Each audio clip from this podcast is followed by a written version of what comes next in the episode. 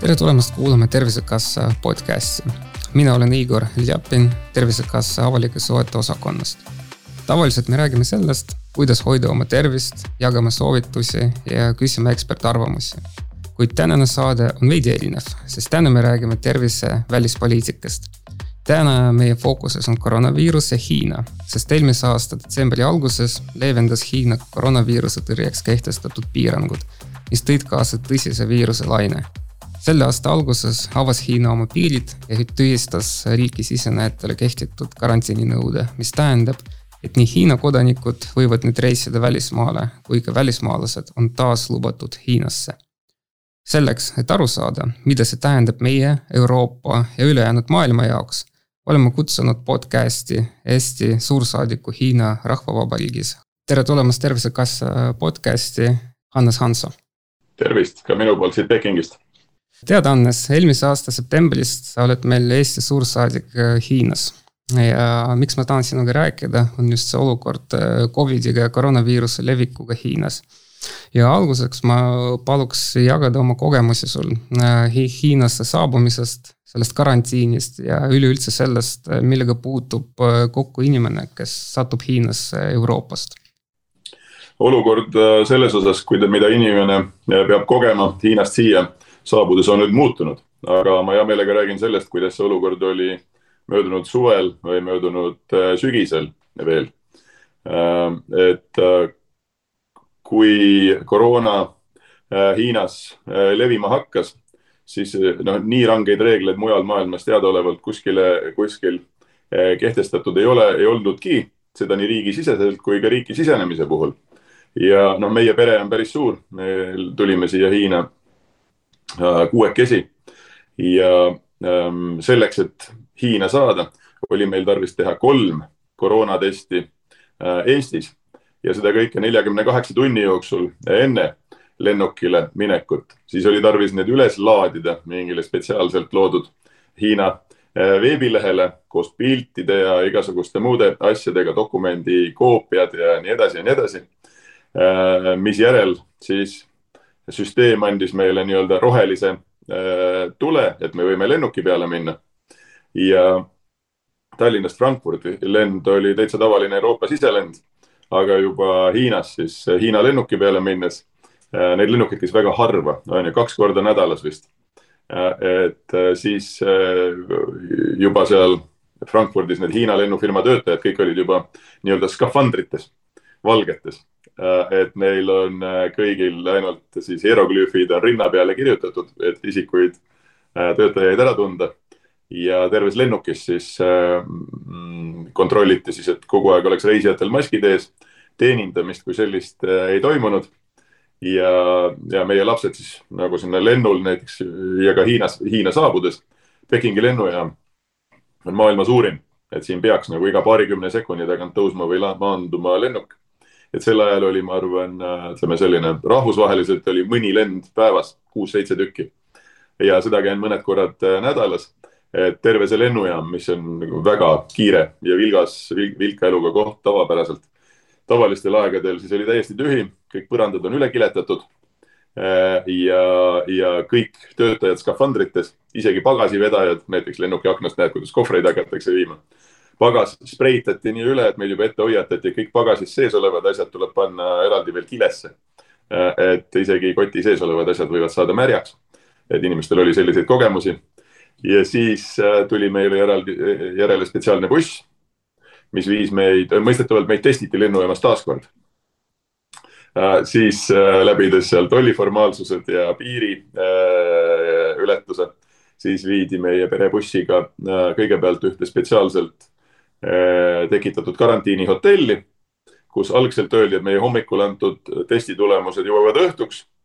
seda ei juhtunud, siis olime öö selles hotellis ja ka seal hotellis. Äh, no kõik see hotell on niiske lihtsalt sellest pidevast desinfitseerimisest. Äh, et kogu aeg käivad inimesed, kes muudkui desinfitseerivad. ja järgmisel hommikul saime kätte oma tulemused, misjärel viidi meid meie karantiinimajja kus me olime lisaks siis eeltoodule veel kümme päeva ja algselt testiti meid, ütlen ausalt nüüd, ma ei mäleta, kas iga päev või üle päeva, lõppperioodi lõpupoole natukene vähem. Aga kuna me olime eraldi majas, siis meil kolleegid saatkonnast toimetasid toiduaineid ja nad ei tohtnud, tohtinud neid meile lähedale siis tuua, nad võisid tuua meie ukse ette. ja siis, kui nad olid juba eemaldunud, siis me tohtisime uksest välja minna, nad sisse tuua.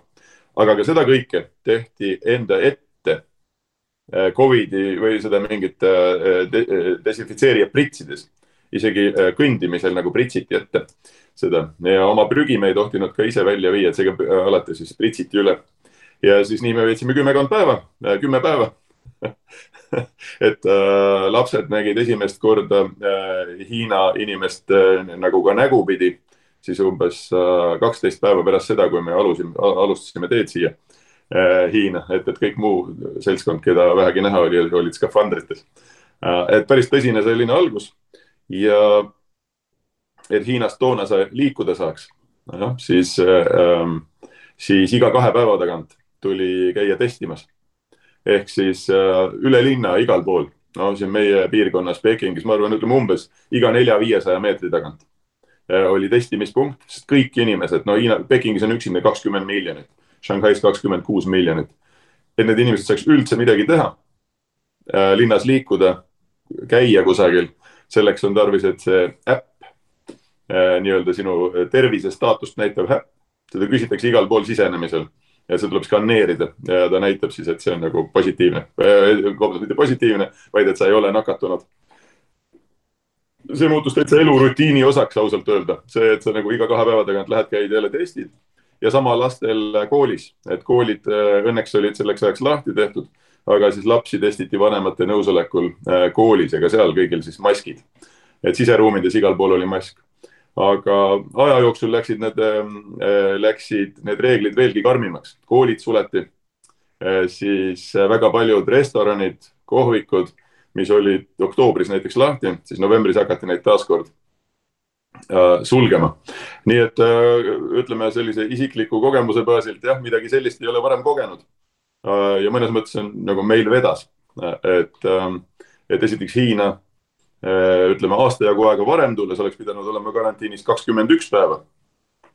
Äh, ja, ja see nagu osadel inimestel on ju see kogemus nagu kolme aasta pikkune põhimõtteliselt, kes siin elavad.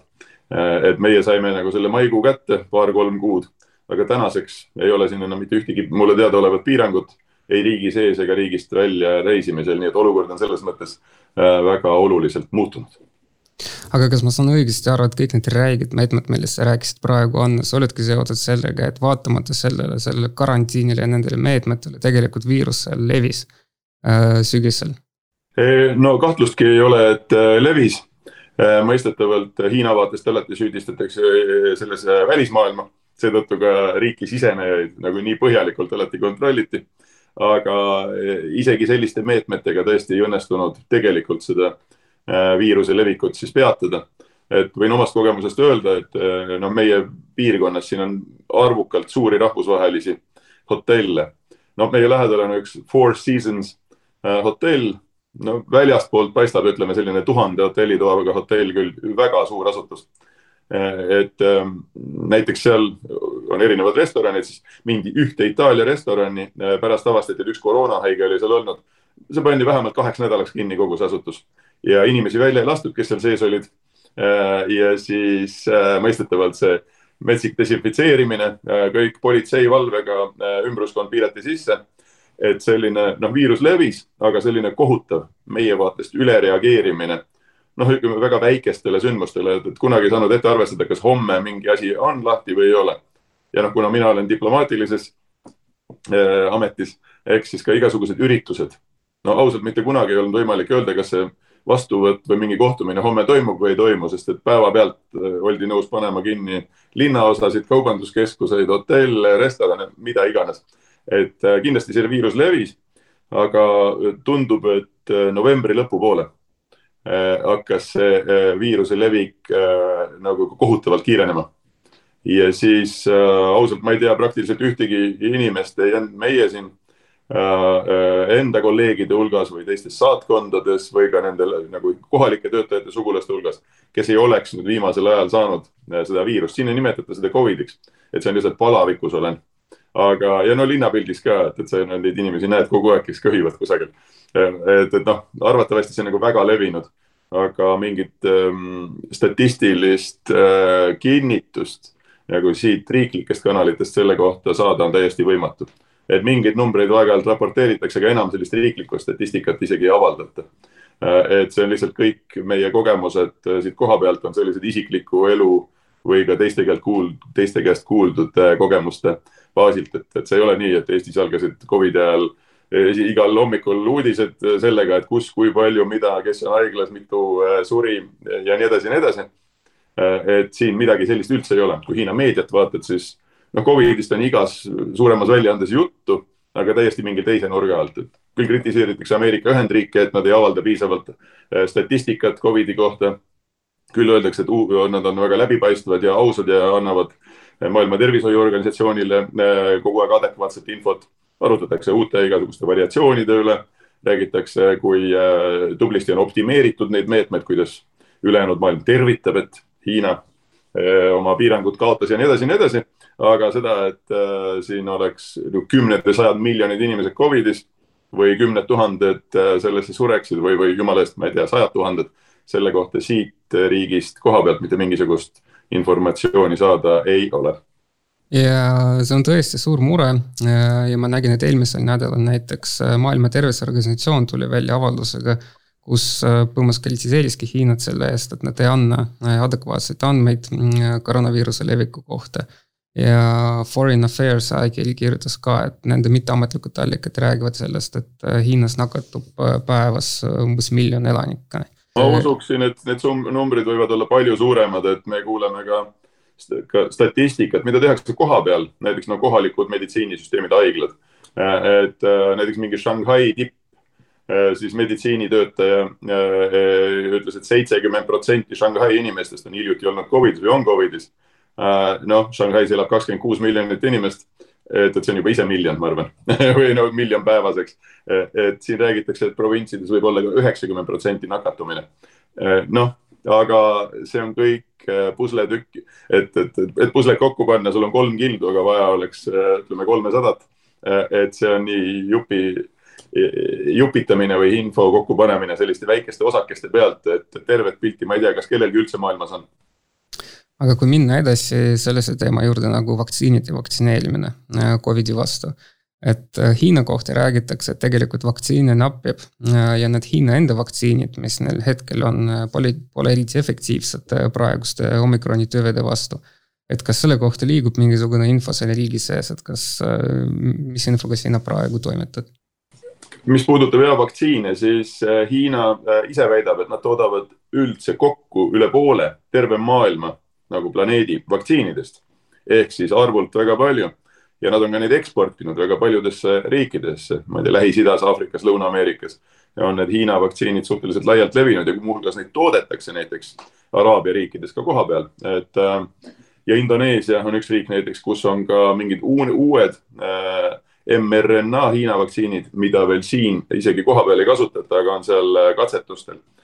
Nii et Hiina toodab vaktsiine palju. nüüd efektiivsuse osas olen ka mina kuulnud, äh, et nende kvaliteet, eriti nende uute tüvede vastu, eh, ei ole eh, piisavalt kõrge, aga Hiinas ja, ja väga paljud maailma riigid, kaasa arvatud Euroopa Liit, on pakkunud abi tegelikult Hiinale, et, et, et tunnustage ka meie vaktsiine, minu vaktsineerimist, ma olen kolm korda vaktsineeritud, siin ei tunnustata. Et kõikidesse tervisepaberitesse, kaasa arvatud sellele äpile, mida ma pidin kogu aeg kasutama, on, et no vaccination record ehk siis vaktsineerimise ajalugu puudub ehk siis meie omasid ei tunnustata ja Hiina oma, eh, Hiina omad väidetavalt siis nii hästi ei tööta. ausalt, ma ei ole meditsiiniekspert, mul on raske seda hinnata, nii ma kuulen. ja on palju pakutud siis erinevaid vaktsiine Hiinale, aga neid ei võeta vastu, et vajab ikka lisada täiendavat uuringut ja nii edasi. meil on endalgi piisavalt vaktsiine ja seda selgitatakse siis üldiselt nii, et see on lihtsalt Hiina au ja rahvusliku uhkuse asi. et, et Nad tahavad demonstreerida ülejäänud maailmale, et nad saavad ise kõigega väga hästi hakkama, neil ei ole vaja sellistes küsimustes abi välismaalt. ma arvan, see on natukene selline reaktsioon ka võib-olla selle vastu, et see Covid ju algas tegelikult Hiina linnast Wuhanist ja väga palju oli süüdistusi Hiina suunal, mida nad kõik sel hetkel tegid või ei teinud või valesti tegid. et see on hiinlaste jaoks väga tundlik koht lihtsalt sellepärast, et neid kunagi omal ajal kritiseeriti väga valjult ja, ja süüdistati Hiinat väga, väga palju, et võib-olla siin on ka tegu sellega. aga ühesõnaga fakt on, et nooremast elanikkonnast ja kui, ja kui vaktsiine hakati tootma, siis hakati ennekõike vaktsineerima nooremaid inimesi ning tööl käivaid inimesi, et nad saaks oma öö, töökarjääri ja produ, nii-öelda produktiivset tegevust jätkata. aga jäeti paraku unarusse vanemad inimesed ja neid äh, Hiina vaktsiine ka ei testitud äh,, ei äh,, ei kontrollitud äh, väga ulatuslikult just vanema põlvkonna peal, seetõttu, et eesmärk oligi tööl käivad inimesed saada äh, vaktsineerituks. ja see tekitas kohalikus vanemas äh, põlvkonnas väga palju skepti-, skeptilisust nende vaktsiinide suhtes vanematel patsientidel niigi on igasugused eh, juba varasemad eh, haigused, eks, mis, mida siis nagu see eh, Covidi vaktsiin nende hinnangul võis võimendada. Ja seetõttu jäid vanemad inimesed paljuski vaktsineerimata. ja alles möödunud aasta aprillis hakati siis nagu aktiivselt just ette võtma vanemat elanikkonda, siin ma olen kuulnud erinevatelt inimestelt, isegi pakuti raha, omavalitsused pakkusid raha, anti toiduaineid ja nii edasi ja nii edasi, et inimesed, siis vanemad just läheksid vaktsineerima et nüüd on selles osas ka tehtud tegelikult arvestatavaid edusamme. aga noh, kriitikud ütlevad, et selle kõigega oleks pidanud algama nagu vähemalt aasta varem. et seda Covidist lahti saada nende rangete piirangutega mitte mingit pidi ei õnnestunud. et eh, Hiina raiskas nagu mõnes mõttes siis kriitikute sõnul nagu aasta et kui oleks pidanud tegema ettevalmistamisi, ettevalmistusi selleks lõplikuks avanemiseks, mis nüüd siis ilma igasuguse arutelu tulemuseta Äh, avaliku arutelu tulemused lihtsalt äh, teatati äh, mm, detsembri alguses ehk siis nüüd ütleme selline üks kuu tagasi või natuke rohkem tagasi, et leevendame piiranguid, kaotame piirangud ära, eks. mitte mingit avalikku debatti selles osas ei toimunud ja päris huvitav oli jälgida ka, et, et noh, ka siin on sellised arvamusliidrid nagu meil Eestis, eks Covidi osas. et Hiina sotsiaalmeedias nüüd on pandud mingeid tuhandeid ja tuhandeid kontosid kinni Äh, põhjusel, et äh, inimesed ironiseerivad siis nende arvamusliidrite osas, kes äh, näiteks novembri lõpus kaitsesid nulltolerants Covidi poliitikat. me võitleme selle vaenlasega ja võidame selle lahingu. ja siis, kui kõigile ilma igasuguse ettehoiatuseta tuli uudis, et nüüd on kõik piirangud kaotatud ja igaüks äh, vaadaku ise, kuidas kuidas toime tuleb, siis hakati seda hästi aktiivselt kaitsma täpselt samade inimeste poolt Äh, et kuidas nagu inimeste seisukohad või nende kommenteerijate või arvamusliidrite seisukohad lihtsalt üleöö põhimõtteliselt äh, muutusid, et seda, äh, siin on nagu väga palju noh, selliseid inimesi, kes suhtuvad, suhtuvad sellesse siis üsnagi sarkastiliselt. et selles mõttes jah, see Hiina riigi ülesehitus oma olemuselt on väga teistsugune kui meie oma.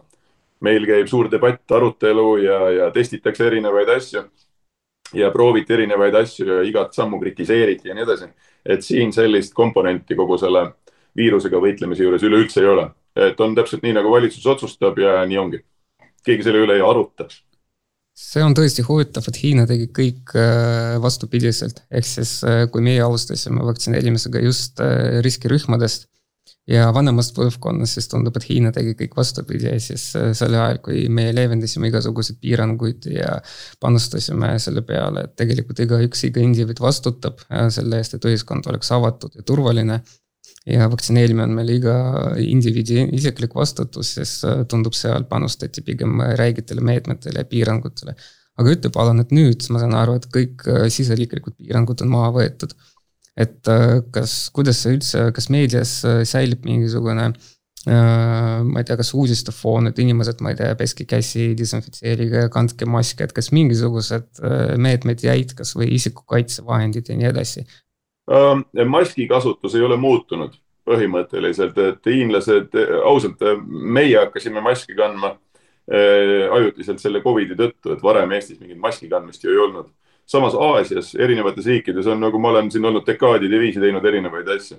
maskiga kandmine ka varasemalt erinevate epideemiate ajal, aga ka keskkonnaprobleemide tõttu, lihtsalt tohutu tolm ja saastus maski kandmine on see täiesti tavaline ja mitte ainult Hiinas, aga ka näiteks Koreas või Jaapanis.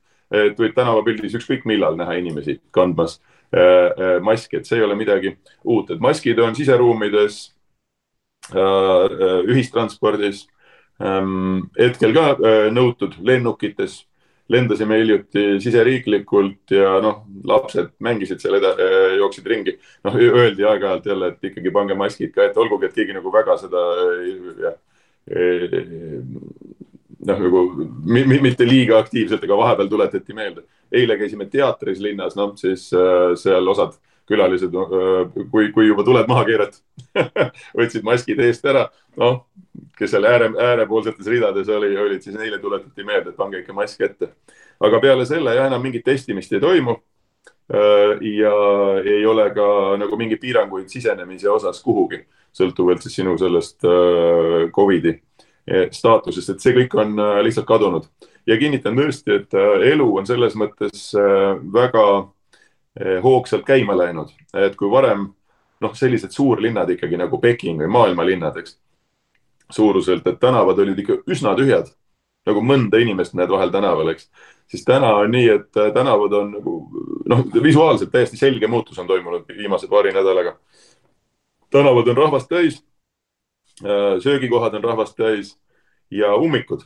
et Hiinas on lihtsalt neid sõiduautosid nii kohutavalt palju, et, et linna selline transpordi infrastruktuur ei, ei, ei ole kunagi nagu seda välja kandnud, et ummikud on tavalised et siis nüüd järsku septembrist alates esimest korda ma näen nagu viimase kümnekonna päeva jooksul järsku, et on tekkinud nagu tõsised ummikud. hetkel puudutab minu tööd, eks, et ma pean palju käima linnas erinevatel kohtumistel ja siis, kui varem oli viisteist minutit sõiduaeg, siis nüüd on pool tundi et äh, võin kinnitada nagu oma kogemusest, et elu selles mõttes on äh, kindlasti naasnud. Aga väga paljud poed näiteks äh, on äh, kinni Äh, ja äh, lähed poodi arvestusega, et see on avatud, aga selgus, et nii paljud töötajad on koroonas, et, et nad ei ole saanud üldse poodi lahti teha. mõned valitsusasutused näiteks samamoodi.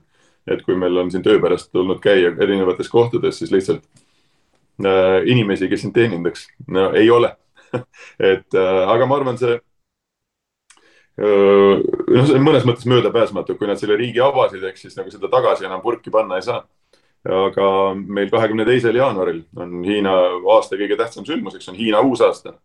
ja nüüd tuleb arvestada sellega, et äh, kolm aastat ei ole kõik need äh, üks koma neli miljardit inimest saanud tagasi minna oma kodukohta, mis on Hiina traditsioon ja väga tugev traditsioon. ja Hiinas üldiselt puhkused on lühikesed, see on nagu see aeg, kui kõik migranttöölised lähevad koju väga paljud näevad alles nüüd üle aastate esimest korda jälle oma lapsi, mis on jäetud, kes on jäetud vanavanemate juurde et Hiina transpordiministeerium, ma lugesin äh, statistikat, eeldab, et järgmise neljakümne päeva jooksul tehakse kaks miljardit reisi Hiina sees. kaks miljardit. Äh, äh, teades, kuidas see viirus levib, siis on noh, üsnagi loogiline järeldada muidugi, et, et kui mingi esimene laine mingites piirkondades näiteks on raugenud, linnades levis see Covid palju kiiremini, et siis maapiirkondades, kus paraku ka meditsiinisüsteem on oluliselt nõrgem kui linnades Äh, siis ilmselt leiab aset, äh, noh, võib eeldada, eks, äh, selline uus, uus laine, nii et selle avamisega kindlasti need riskid on selge, et praegu me puudutasime seda Hiina avamist, mis puudutab nende riigisiseste piirangute nii-öelda kaotamist. aga kas ma saan õigesti aru, et selle aasta alguses Hiina avab või juba avas ka oma riigipiiri? ehk siis see tähendab, et nii hiinlased saavad reisida välismaale kui ka välismaalased saavad taas siseneda Hiinasse ja ma arvan, et see oligi see põhjus, miks äh, siin Läänes-Euroopas nii palju arutati seda Hiina avamist. Kuna hakati kartma tõesti, et äh, kui Hiina turist äh, satub Euroopasse, arvestades, mis seal taustal toimub, kõik need praegused viiruse levik ja puhangud, et kas see ei saa mõjutada Euroopat drastiliselt ja et kuidas sina hindad või kuidas sina näed, kas hiinlased on tõesti huvitatud välisreisimisest, et kui palju turiste nüüd liigub Hiinast välismaale? no ma ei tea, Igor, kas see tuleb sulle üllatusena, aga kaks tuhat üheksateist aastal, kui veel äh, Covidit teadaolevalt ei olnud, võib-olla oli, aga vähemalt me ei teadvustanud seda, tehti Hiinast äh,, hiinlaste poolt sada viiskümmend kuus miljonit reisi välismaale.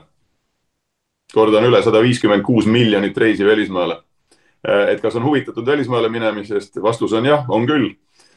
pluss veel siseriiklik reisimine äh,. ehk äh, hiinlased on väga aktiivsed reisijad, noh mingi osa neist jõuab Euroopasse, mingi osa jõuab Ameerika Ühendriikidesse ja nii edasi, aga ka regioonis. Et noh, ma ei tea, Taid, Singapurid, Indoneesiad, Kambodžad, Laosed, Vietnamid ja nii, ja nii edasi ja nii edasi, et hiinlased on väga aktiivsed äh, reisijad äh,. ehk siis mõistetavalt äh, on äh, osad riigid äh, suhtunud nagu teatud murega sellesse, teades, kui palju siin Covid äh, levib. hiinlased on sellesse ausalt öelda suhtunud väga raevukalt äh,. Öeldes, et see on kõik kallutatud, Hiina vastane, see on poliitiline surve eelarvamused Hiina osas ja nii edasi ja nii edasi. et ja on ka lubatud vastumeetmeid nendele riikidele, kes siis nõuavad Covidi testimist. ma just kirjeldasin ju ka siin praegu, milliseid hirmsaid piiranguid nad ise kehtestasid, aga nüüd, kui nõutakse lihtsalt Covid testi välismaale reisimiseks, tundub neile ääretu ebaõiglus mis on iseenesest nagu huviline, huvitav loogiline konstruktsioon või loogikakonstruktsioon Äh, aga näiteks äh, lähiriigid nagu Lõuna-Korea ja Jaapan, kes nõuavad Covid teste, hiinlased protestiks lõpetasid nendes riikides äh, viisade väljastamise Hiina tulekuks. ehk siis ja on ähvardatud seda ka teiste puhul, et tulevad vastumeetmed. niisiis jah, nad on selles küsimuses väga tundlikud ja on kritiseerinud väga paljusid riike siin ka Lähis-Idas, Põhja-Aafrikas ja ka ametlikult on öeldud, et selle kõige taga on äh, Ameerika Ühendriikide surve neile riikidele hiinlaste siis erikohtlemiseks ehk siis halvasti kohtlemiseks äh, kuni selle hetkeni, kui ka Põhja-Korea teatas, et äh, üleüldse piir sulgetakse Hiinaga. tõsi, ajutiselt. et siis see argumentatsioon, et just Ameerika Ühendriigid on selle taga nagu mõnevõrra võib-olla kannatas. aga jah, et see on teema, mida siin käsitletakse ja, aga piirid on lahti kaheksandast jaanuarist ehk siis täna tahab Igor osta lennukipileti ja tulla Hiina, siis sa võid tulla ilma karantiinita eh,. ausalt, minu meelest nõutakse ka siia tulekuks ikkagi veel testi aga, aga ma sada protsenti seda vanduda ei saa, et need reeglid muutuvad nii kiiresti. ja ma tean inimesi, kes on nüüd hiljuti siia tulnud ja siiski testinud ennast eh, ka siis veel Euroopas enne siia tulekut. aga mis see viimane reegel täpselt on, noh, seda tuleb lihtsalt sellel hetkel siis uurida ja Äh, vaadata, aga ja fakt on see, et, et nüüd saab siin edasi-tagasi jälle käia.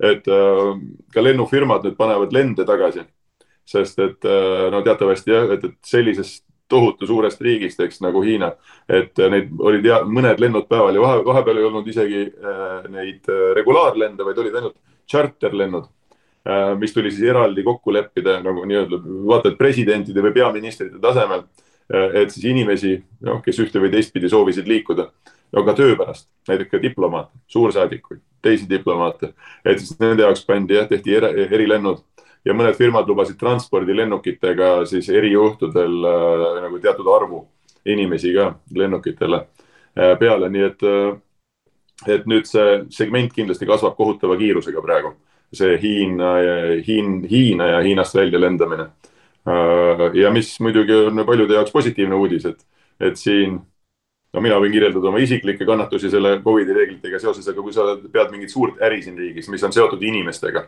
hotellid või transport või toitlustamine või kõik muu selline, et väga paljud äh, inimesed noh, kindlasti läksid pankrotti, ei suutnud oma ärisid üleval hoida, kliente ei ole, käivet ei ole, eks. et äh, nende kindlasti need ohvri oh,, ohverdused on nagu miljoneid korda suuremad kui meie isiklikud, eks ja ma tahaksin lisada, et äh, meie Terviseameti arvamusel praegune Hiina koroonapuhang Eestile täiendavat ohtu ei kujuta, kuid rõhutatakse, et riskid uute ja muret tekitavate tüvede tekkimiseks Hiinas ikkagi kasvavad. Ja selle tõttu ka Euroopa Liit ühiselt äh, arutas seda olukorda ning Euroopa Liidu kriisikoordinatsiooni töörühm tungivalt soovitas liikmesriikidel ikkagi hakata äh, testima äh, neid äh, liikmesriikidesse sisenejaid, kes tulevad Hiinast. Siin on ka üks väga tähtis äh, äh, sõna, mida sa ütlesid. Nende kodanike suhtes, kes tulevad Hiinast. et tegelikult ei ole nii, et valitakse välja hiinlased, vaid valitakse välja need inimesed, kes tulevad Hiinast testimiseks või nõutakse neilt mingisugust testi. aga kui vaadata Hiina nagu sellist ajakirjandust, kus väga raevukalt reageeritakse siis seda väikest nüanssi, mis on väga oluline, äh, seal ei nimetata. ehk siis räägitakse, et hiinlaste suhtes ollakse selliste eelarvamustega. et ja seda rõhutatakse ka eriti Jaapani ja Lõuna-Korea puhul, et just hiinlaste suhtes.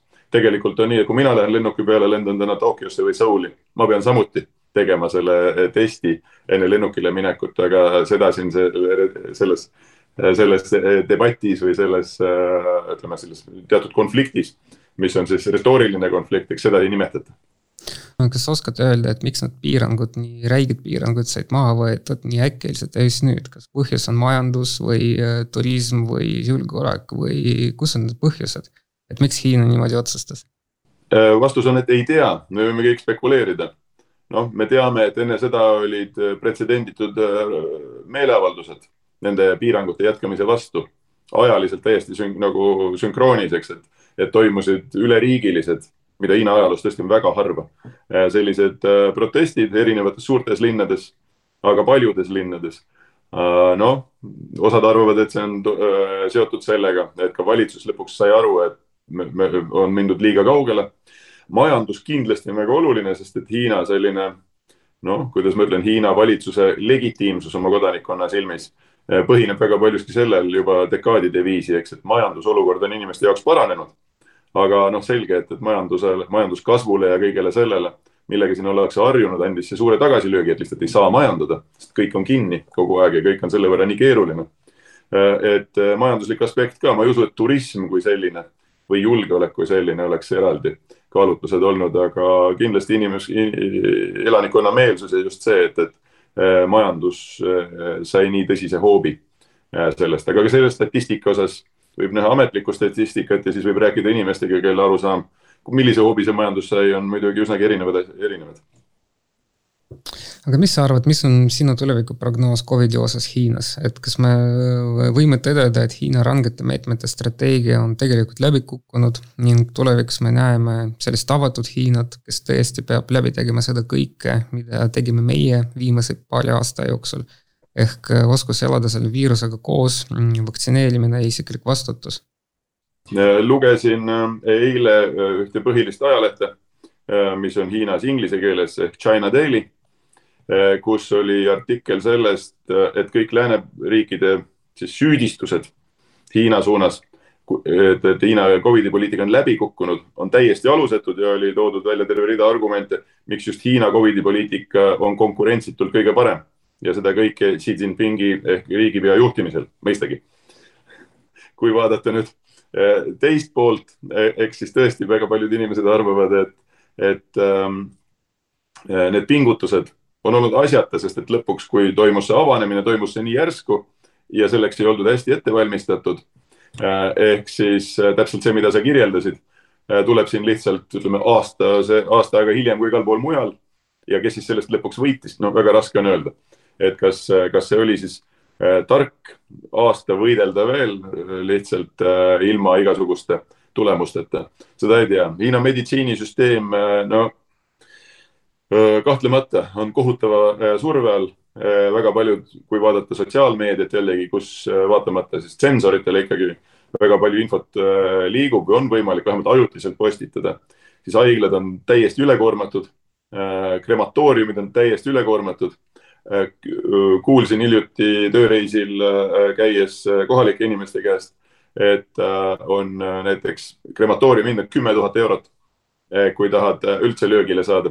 aga ei ole morge piisavalt, kus siis kadunud inimesi, kadunukesi hoida.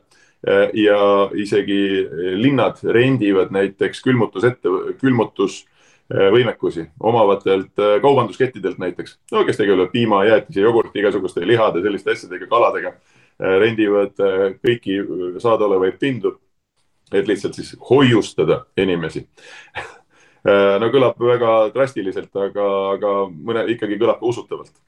et see on täiesti võimalik, et nüüd jah, siis ma arvan, me lihtsalt peamegi nüüd üle elama, seda džinni enam pudelisse tagasi ei pane, eks. et me peame nüüd üle elama siin Hiinas kõik selle, mis igal pool mujal on juba üle äh, elatud, aga ma arvan, väga raske, ma ei eelda, et me saaksime teada siis nagu täpset statistikat selle kohta, mis siis tegelikult äh, juhtus või mis tegelikult juhtuma hakkab jah, see olukord on päris räige, mida sa kirjeldad, et ma ise nägin ka, et BBC kirjutas hiljuti, et äh, Hiina noored otsivad näiteks võimalust, kuidas äh, nakatada viirusesse, kuna vaktsiine pole. ja haiglad on täis, ehk siis kui sa jääd haigeks, siis äh, arstiabi saamine on noh, ikkagi väga-väga keeruline.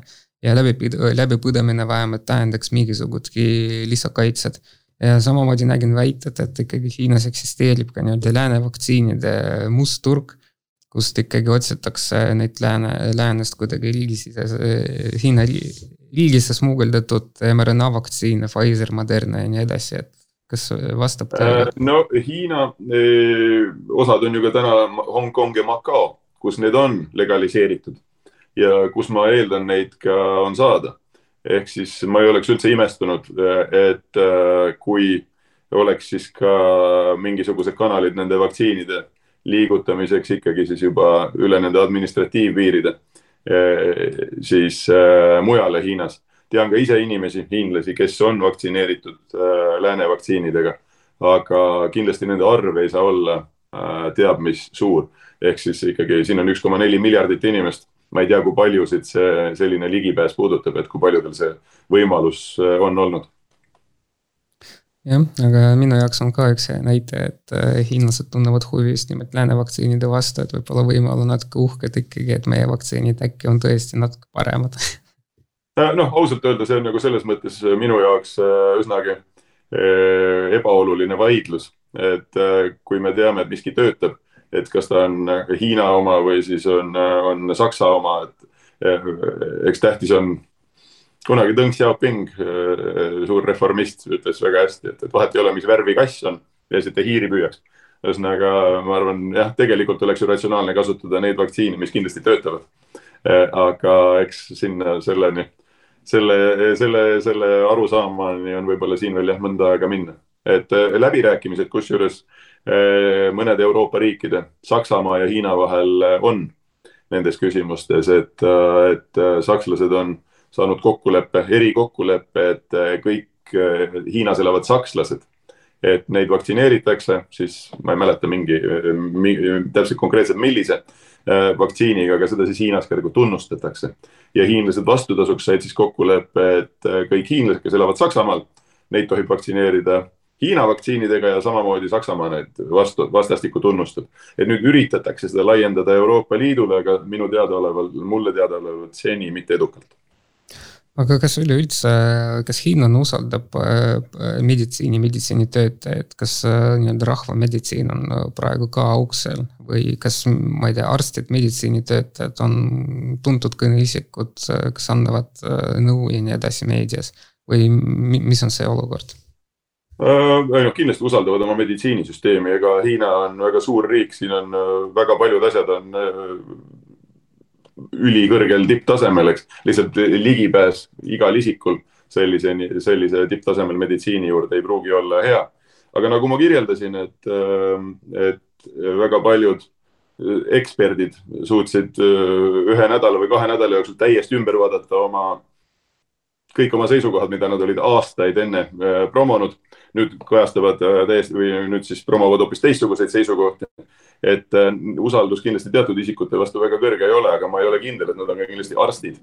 ma arvan, äh, nagu selliste professionaalide ringkonnas on ju päris selge, äh, et, et noh, targe, targem on tööd teha, aga võib-olla sellest mitte nii palju avalikult rääkida. selge ja siinkohal ma tahakski veel kord öelda meie kuulajatele, et täna meil oli natuke eriline podcast me ei rääkinud otseselt tervisest, vaid me rääkisime tervise välispoliitikast ja meie külaliseks oli Eesti suursaadik Hiina Rahvavabariigis, Hannes Hanso. suur tänu sulle, Hanso. aitäh sulle, Igor, uute kohtumisteni